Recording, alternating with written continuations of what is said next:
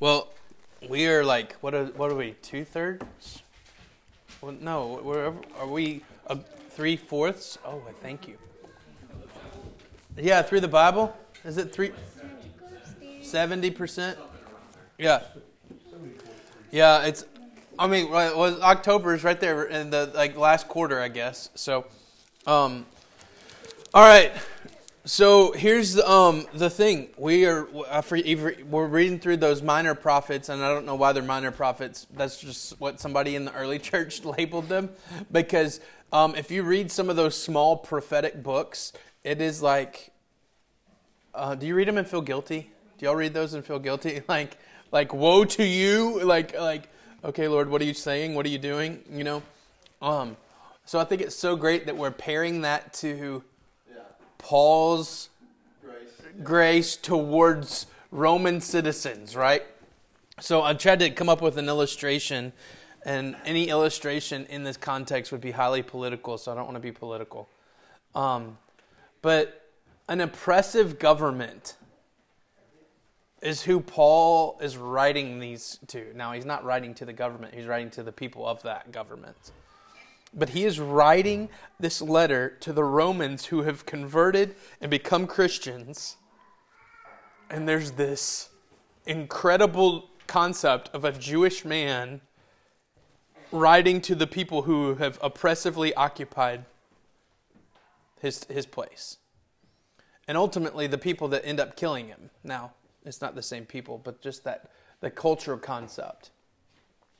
We don't read scripture sometimes through that lens of understanding the context of it.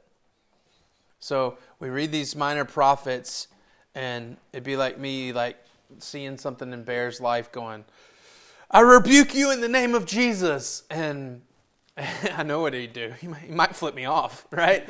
um, but there's this, there's this, in that moment, an instant severing of intimate relationship unless it's done in love, right?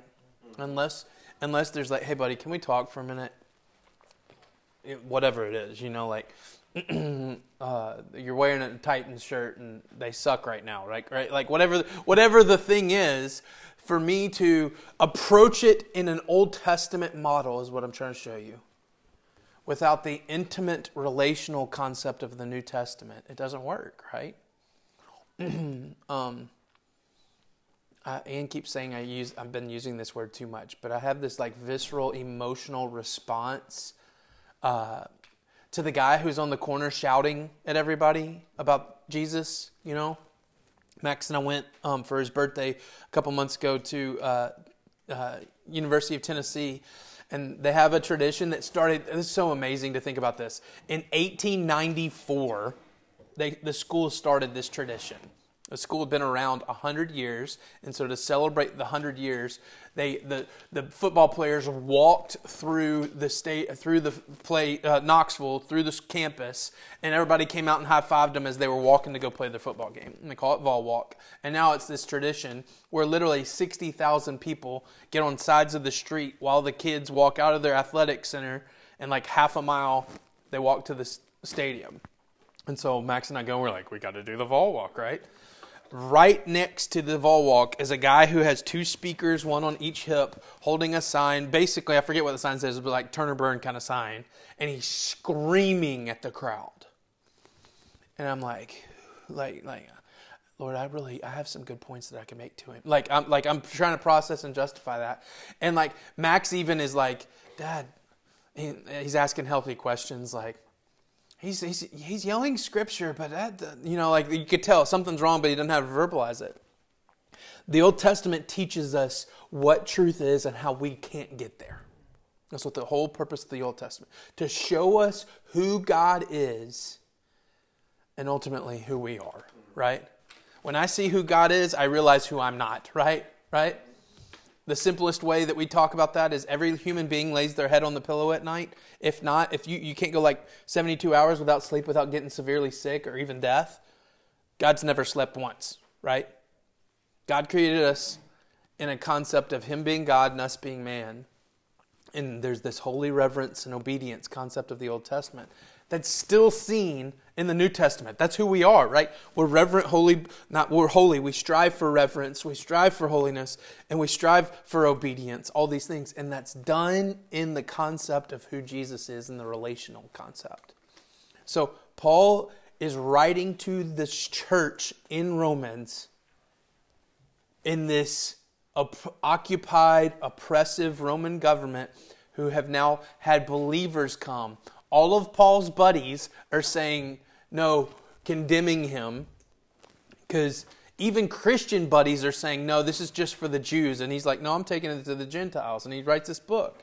And he's teaching them. The doctrines that we have out of Romans fill books that are this big, right?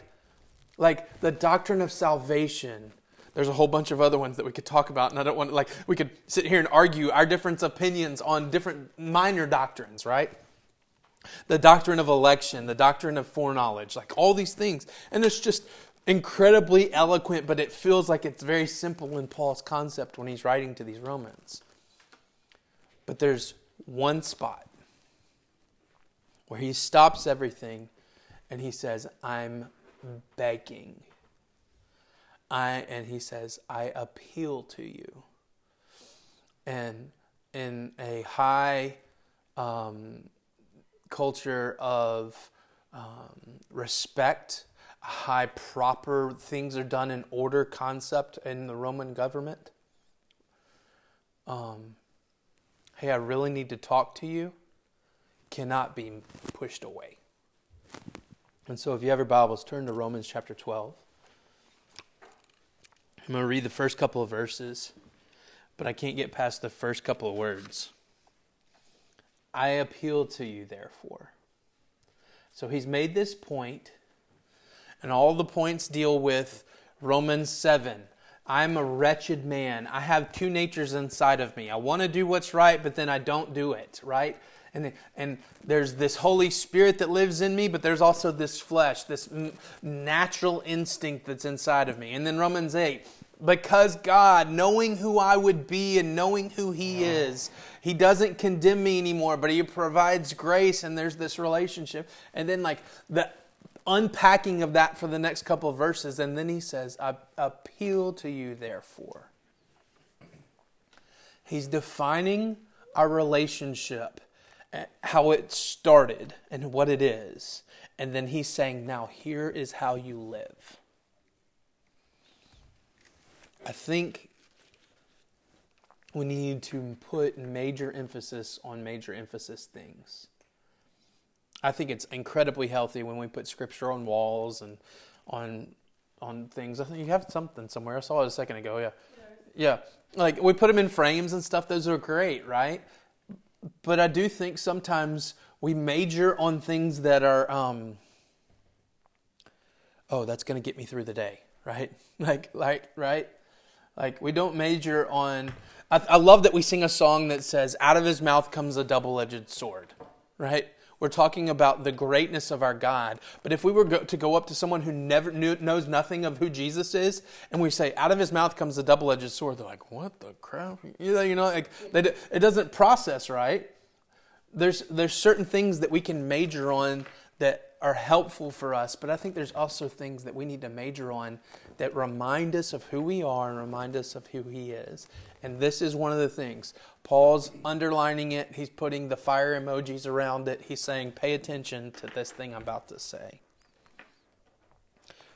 Because of your relationship with the Father, because of God's mercy, this is because of our gracious God, is, is how I'm about to make this next statement. Let me read. I appeal to you, therefore, brothers, defining the relationship. I'm under the same God that you are. By the mercies of God, we are brothers. Remember, Roman government, Roman occupied. We're brothers because of God's mercy. Listen to me. I can't appeal to you. I can't pull pastor card or friend card or even with Anne, a spouse card. I can't pull any of those things unless I submit under the authority of God. I have to be brother first. I can't go tell Bear, don't wear that shirt because the Titans suck. If I've not come under the authority of who God is, I have to go to Bear and say, hey, as brothers. And Scripture even teaches us that if that doesn't work, then we start adding the God, those who have submitted to God and God has established authority. If that doesn't work, bring somebody else along who's another brother. Maybe it's just the two of you aren't getting together. And then, and then if that doesn't work, there's this higher thing that God says, elders of the church concept. And if that doesn't work, bring it to the whole church, right? One time we were at Bellevue when I was growing up, and one of the pastors, I don't know if you remember this, one of the pastors had embezzled money. Um, this was early 90s, mid mid 90s, and I don't know if the church really fully knew, but they used a Sunday night business meeting to say, We've approached this man, he's not come to us. We've tried to reconcile this, thus we've let him go. And the reason is there is a sum of money that can't be accounted for. And they say that in front of everybody in the church. With 7,000 uh, well, on a Sunday night, maybe 3,500 people in the room, you know, like I don't know if that's exactly what Matthew 18 looks like. Matthew 18 says brother to brother, not an acquaintance to acquaintance. So there has to be a relationship there. And if that brother to brother, go get another brother. Go get somebody else who's another brother, not another acquaintance. And then if that doesn't work, appeal to the elders of the church. And if that doesn't work, take it to the church. Y'all, if we were to have an issue all with Bears shirt because he likes the Titans. I love the Titans, by the way. if we were all to have that issue and we were come to him in this setting, that would make a little sense, right? If it got to that extreme of like, this is intimate, I want you to see a relationship is how Paul can appeal. If there's not a relationship, Paul can't appeal. And we know that he's writing to people he's maybe never seen. So there's a dual relationship. There's a brotherhood relationship, but they, this is an elder of the church concept as well. Watch. So, verse 2. I have all these. Oh, I'm, I'm, I'm not putting them up there. I'm sorry.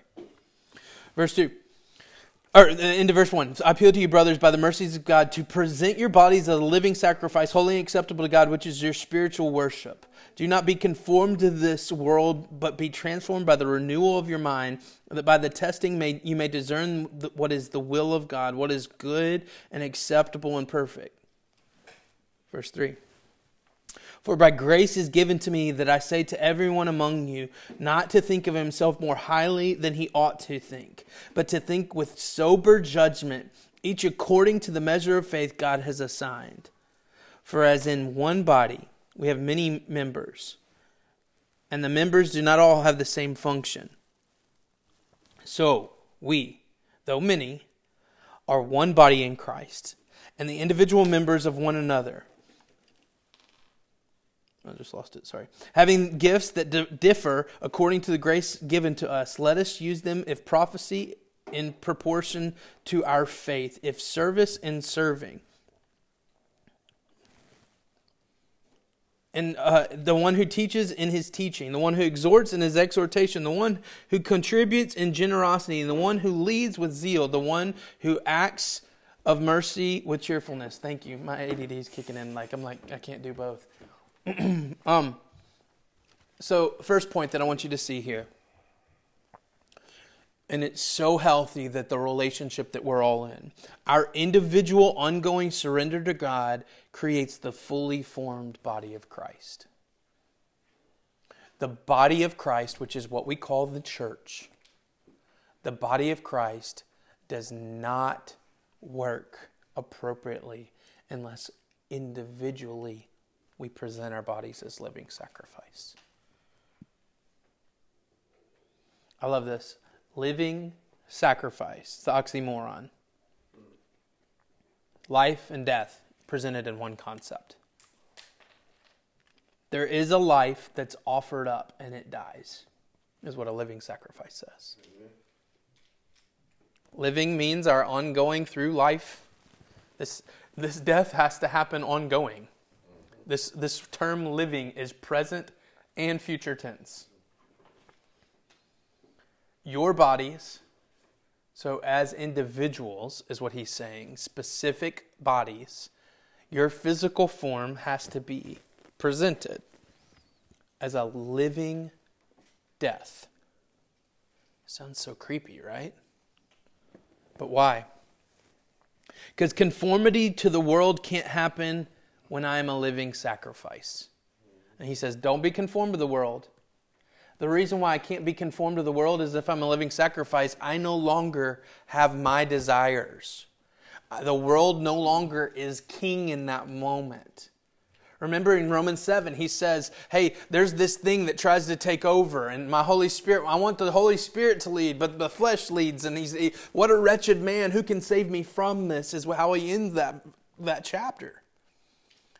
There's this concept of there's only one seat on the throne, and we have to choose is it my body, my flesh, or is it King Jesus?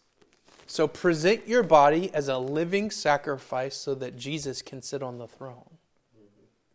And when I do that, the world is attached to my body, and so I'm no longer conformed to the world. But something else happens. It's not just defensive, as in, Ryan, you no longer look like the world, but in the same moment, I'm being transformed. So when I present my body as a living sacrifice, a dual thing happens. No longer look like the world, flesh is dead. But in the same moment, I'm being transformed by the renewing of my mind. I'm sorry, I talk about your brain fog a lot. I don't mean to talk about your brain fog a lot, but I relate to it a lot. So, this, this concept of trying to clearly see something and not being able to might be one of the most frustrating things on the planet. Like I get really frustrated. I know Devin gets really frustrated with like I can't finish the thought fully. Imagine that in a spiritual context. I can't fully get there, but God has to re- spiritually do something to renew my thought process. Like Paul says, something like, or not Paul says, but in Acts, something like scales falls from his eyes. Have you ever had one of those moments? Like, oh, I didn't see this, right? Oh, I didn't see this connection. The only way I see that connection is when a brother comes and says that to me. The only way I, I see that connection is when there's an, an, an, an announcement in my spirit. I, my spirit connects to the, their spirit. There's a renewing of my mind concept, right? Watch. Sacrifice is no longer worried about their uh, a sacrifice is no longer worried about their own needs being met but rather God's good acceptable and perfect will when i sacrifice that thing it's no longer about that thing anymore when i lay my life down i can't get up and say well god i really want that Maserati that Jason has in the driveway, right? Like I can't I can't say those things. I know, I know. I think we all do, right? Jason, God is saying none have need. So, no, I'm just kidding. Uh, but there's this idea, there's this thought process, this hope of maybe I can still get what I want out of this. And that's not what a sacrifice is. A sacrifice is dead, doesn't come back. Verse 3. For by the grace given to me, I love it when we talk about grace being outside of myself. Yo, sometimes we get into this Christian culture of talking about the grace that I have. Yo, I don't have any grace. Grace has to be something outside of myself. Because grace has been applied to me, I can apply it to others, right? Right? Grace is something that God created, God sustains. I can't create it and I can't sustain it. So Paul in such humility is saying, For the grace given to me, I say to everyone among you, not to think of himself more highly than he ought to think. Um, so, how should we think of ourselves? I love that he doesn't give the barometer of it. Because if Bear's struggling with self esteem because the Titans suck, if and I've, I've, pointed it out way too much. Now he might be real. Um, yeah, but but if, if, if there's this concept that Bear has, I'm struggling, and then he reads this verse and kind of presses himself down even further, that's not the same pressing that the Lord might need when I'm thinking I'm something, right? Humility is a sliding scale for all of us. Paul is writing to Romans. Says, I apply this grace that's been given to me. I'm applying it to you too. But be careful. Don't think of yourself more than you should. Another way to say it is you should think of yourself, but don't raise it too high.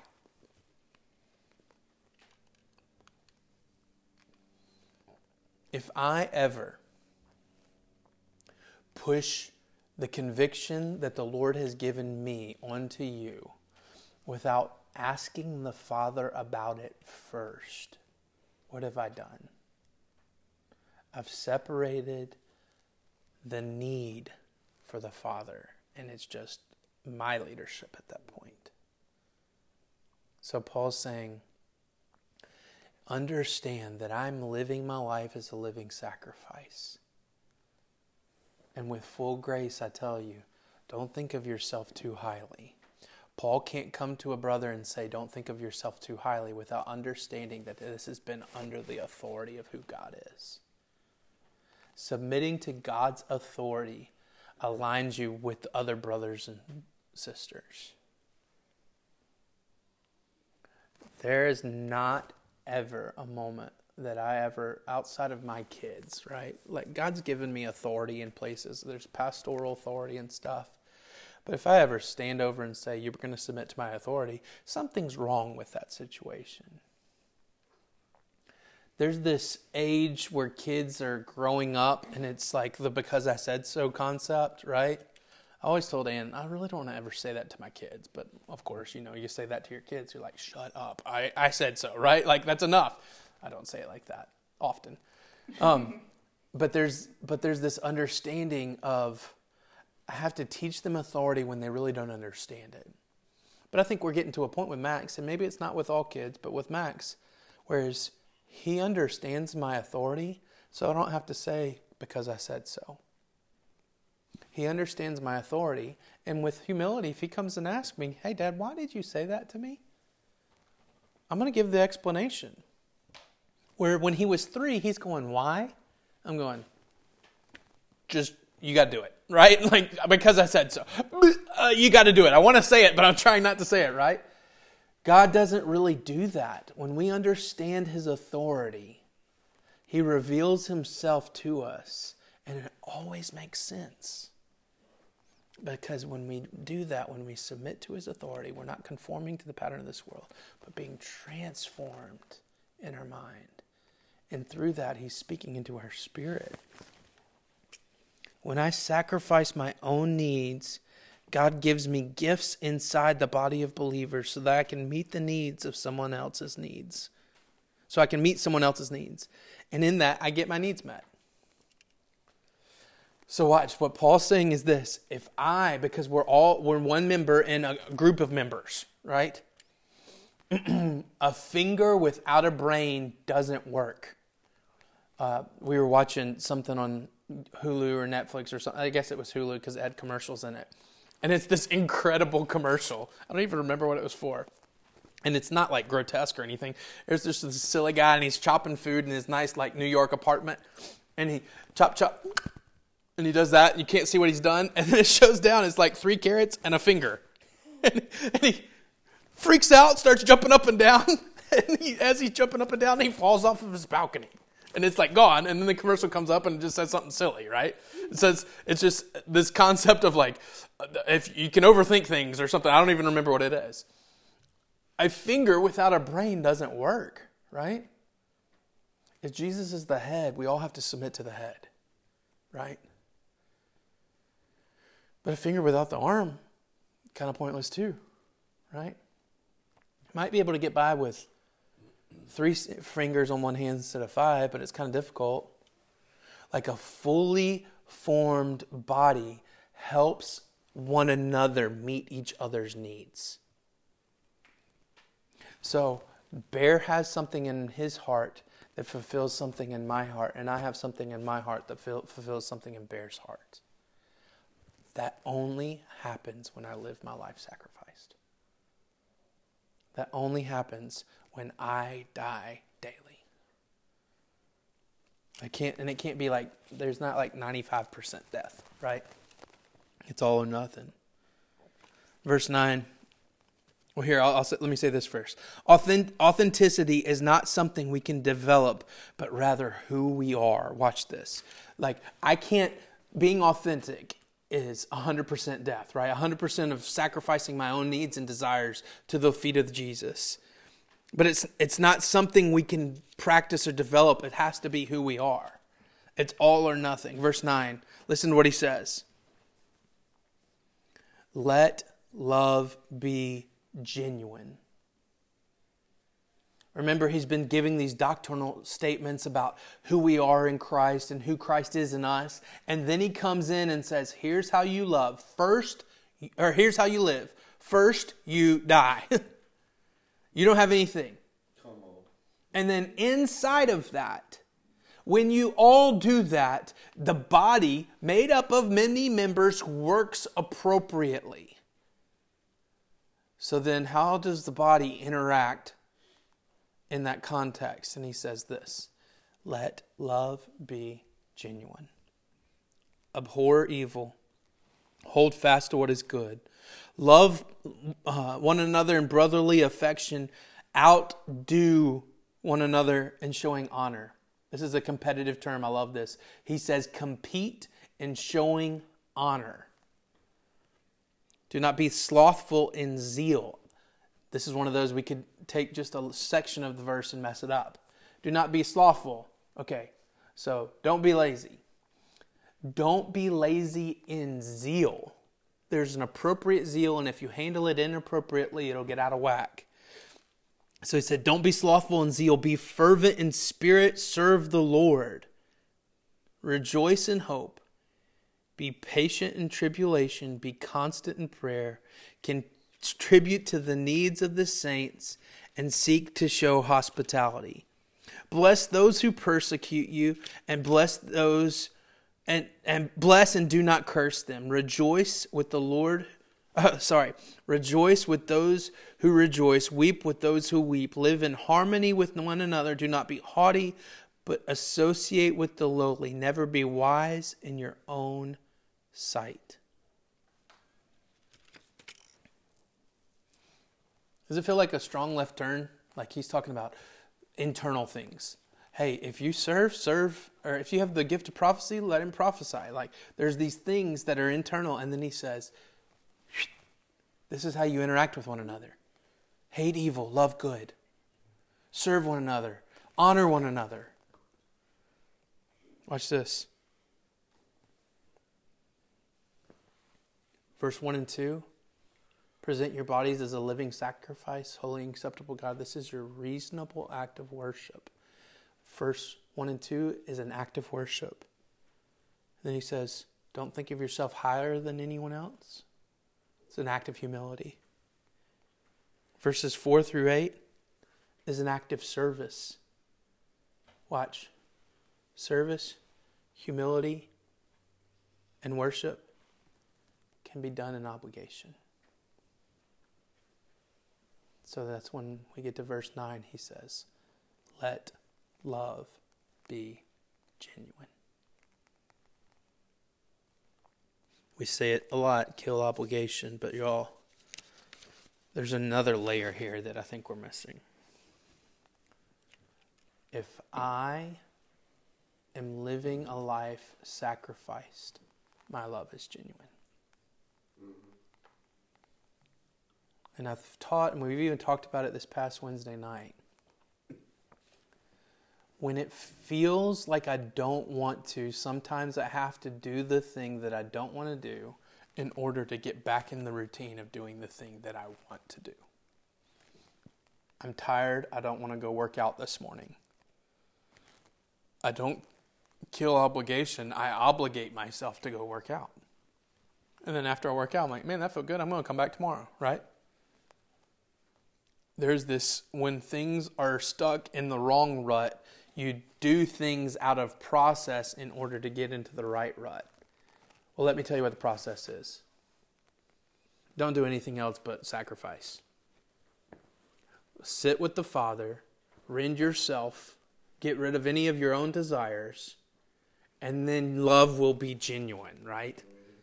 When I sit with Him, all the things that I'm I feel obligated to do in him no longer feel like obligation but they feel like a relationship. If I don't sit with him, I know the things I'm supposed to do. Go to church, read my Bible, pray. So I do them out of obligation and pat myself on the back but never walk into the intimate relationship. Those are the moments when I pray and don't listen for some reason we've got in this concept of praying is one way communication and i don't need a heavenly santa claus. I need a relationship with a heavenly father. There are moments when i don't want to. Those moments are crushed when i sacrifice. How do we do this daily?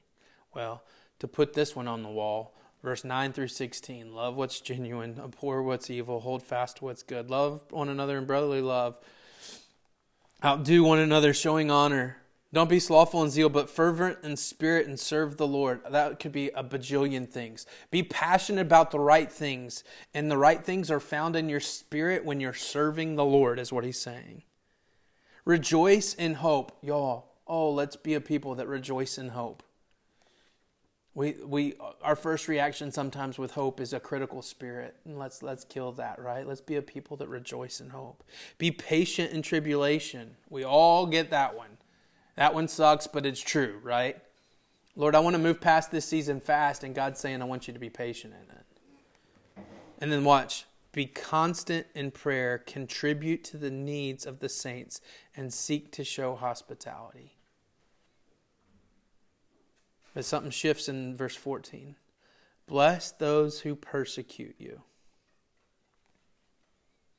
We've talked about this a lot since we watched the video of the underground church in Iran.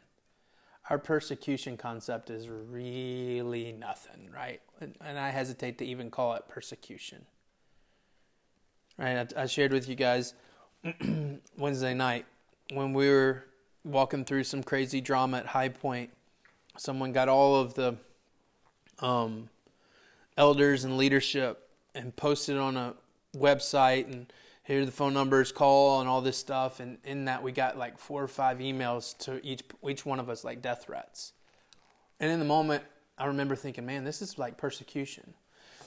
But then as i process it later y'all it wasn't persecution because i loved jesus. It was persecution because we had made some decisions that people didn't like and to be honest I understand why they didn't like them, right? I'm talking, I want to gather to worship the Lord, and the powers that be, authorities that be around me says otherwise. That's persecution, isn't it? Bless those who persecute you, don't curse them. Watch, that transitions. Point three a sacrificed life demands nothing and serves everyone. What are your rights? It's the uh, a few good men. You can't handle your rights, like right, like that concept. Like we we can't handle we we have no rights, even as Americans. Sure, right to bear arms, or right to vote, right, uh, life, liberty, and the pursuit of happiness man, life, liberty, and the pursuit of happiness isn't found anywhere but in Jesus, right? Let me read this to you. Verse 17 Repay no one evil for evil, but give thought to what is honorable in the sight of all. If possible, so far as it depends on you, live peaceably with all people. Beloved, never avenge yourselves but leave it to the wrath of God, for it is written, Vengeance is mine, I will repay, says the Lord.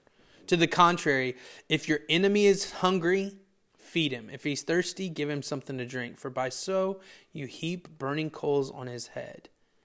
Do not be overcome by evil, but overcome evil with good.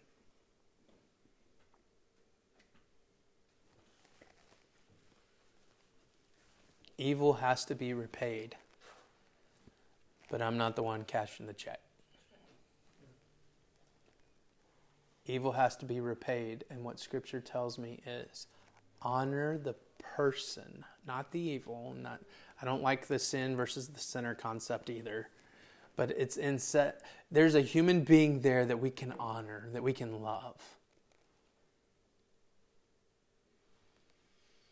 I love this. Friend or foe, honor is not something that we could debate. We all understand what honor is. We all know what it is. It's pretty clear in our mind. We see it and we know it. That's honor, that's dishonor. I love that Paul uses that term. And then he goes in through this concept. I love this. Read, if possible, so far as it depends on you, it's like these precursors into his next statement. If it's possible and if it is on your end, live peaceably with all men. He fully knows that as Christians, it's one way street when it comes to peace sometimes. Your responsibility is to live in peace. Well, what if they. No, no. If it's possible, there's moments where it's not possible. As far as it depends on you, your end of the bargain is to live at peace with all men. Okay, but Ryan, what about this situation? What about that situation? Let love be genuine, is how he started it. If love's not genuine, you're not going to get here. I love this. God gave this to me this past week. God's responsibility is making things right. Our responsibility is loving everyone. I don't have to make things right. I have to love.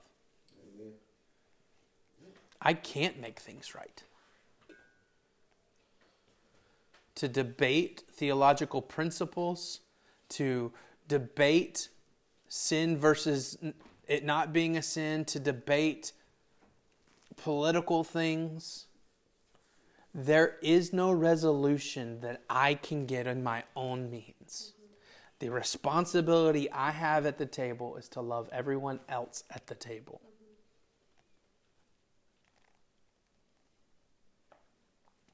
Always be ready to give an account for what? The hope you have within you. Hope's built on love. And then it's something that's been given to me. That's the reason why it's in me. I love this. What's the primary source when you have to build a sacrifice? What has to happen to a sacrifice? Do it? Yeah, it has to die. But I'm talking like actually what uh, when they're going up the mountain to sacrifice Isaac, there's wood, fire, but where's the offering, right? A coal is the primary igniter for the sacrifice. Listen to me. God demands a sacrifice for everyone. If I come willing and sacrifice, or for an enemy who I just love, and in my love, what do I heap? Burning coals so that God could draw them into a sacrifice as well. I'm not to light the fire. I'm not to, to try to manage them sacrificing. My role is loving someone else. In that, God can make things right. Because of my love, He can ignite, ignite a sacrifice for them, them to walk into laying themselves before the Lord. When Adam and Eve sinned, God demanded a sacrifice to deal with their sin, shame, guilt. What did he do? They didn't go they they tried to clothe themselves with fig leaves. Didn't work. So what did God do? He killed an animal. Clothed them in the animal skin. incredible picture of what happens on the cross. God, throughout the wilderness, institutes sacrifice must take place. But then at the cross, Jesus says, I'm paying for it. I'm done. It's over. And we walk into full relationship in that moment. Let's pray. Lord, we lay our lives down before you. We lay our lives down as a living sacrifice. And God, I pray that you would continue to put us into intimate relationship with one another and with you. Jesus, we love you. In Jesus' name, amen.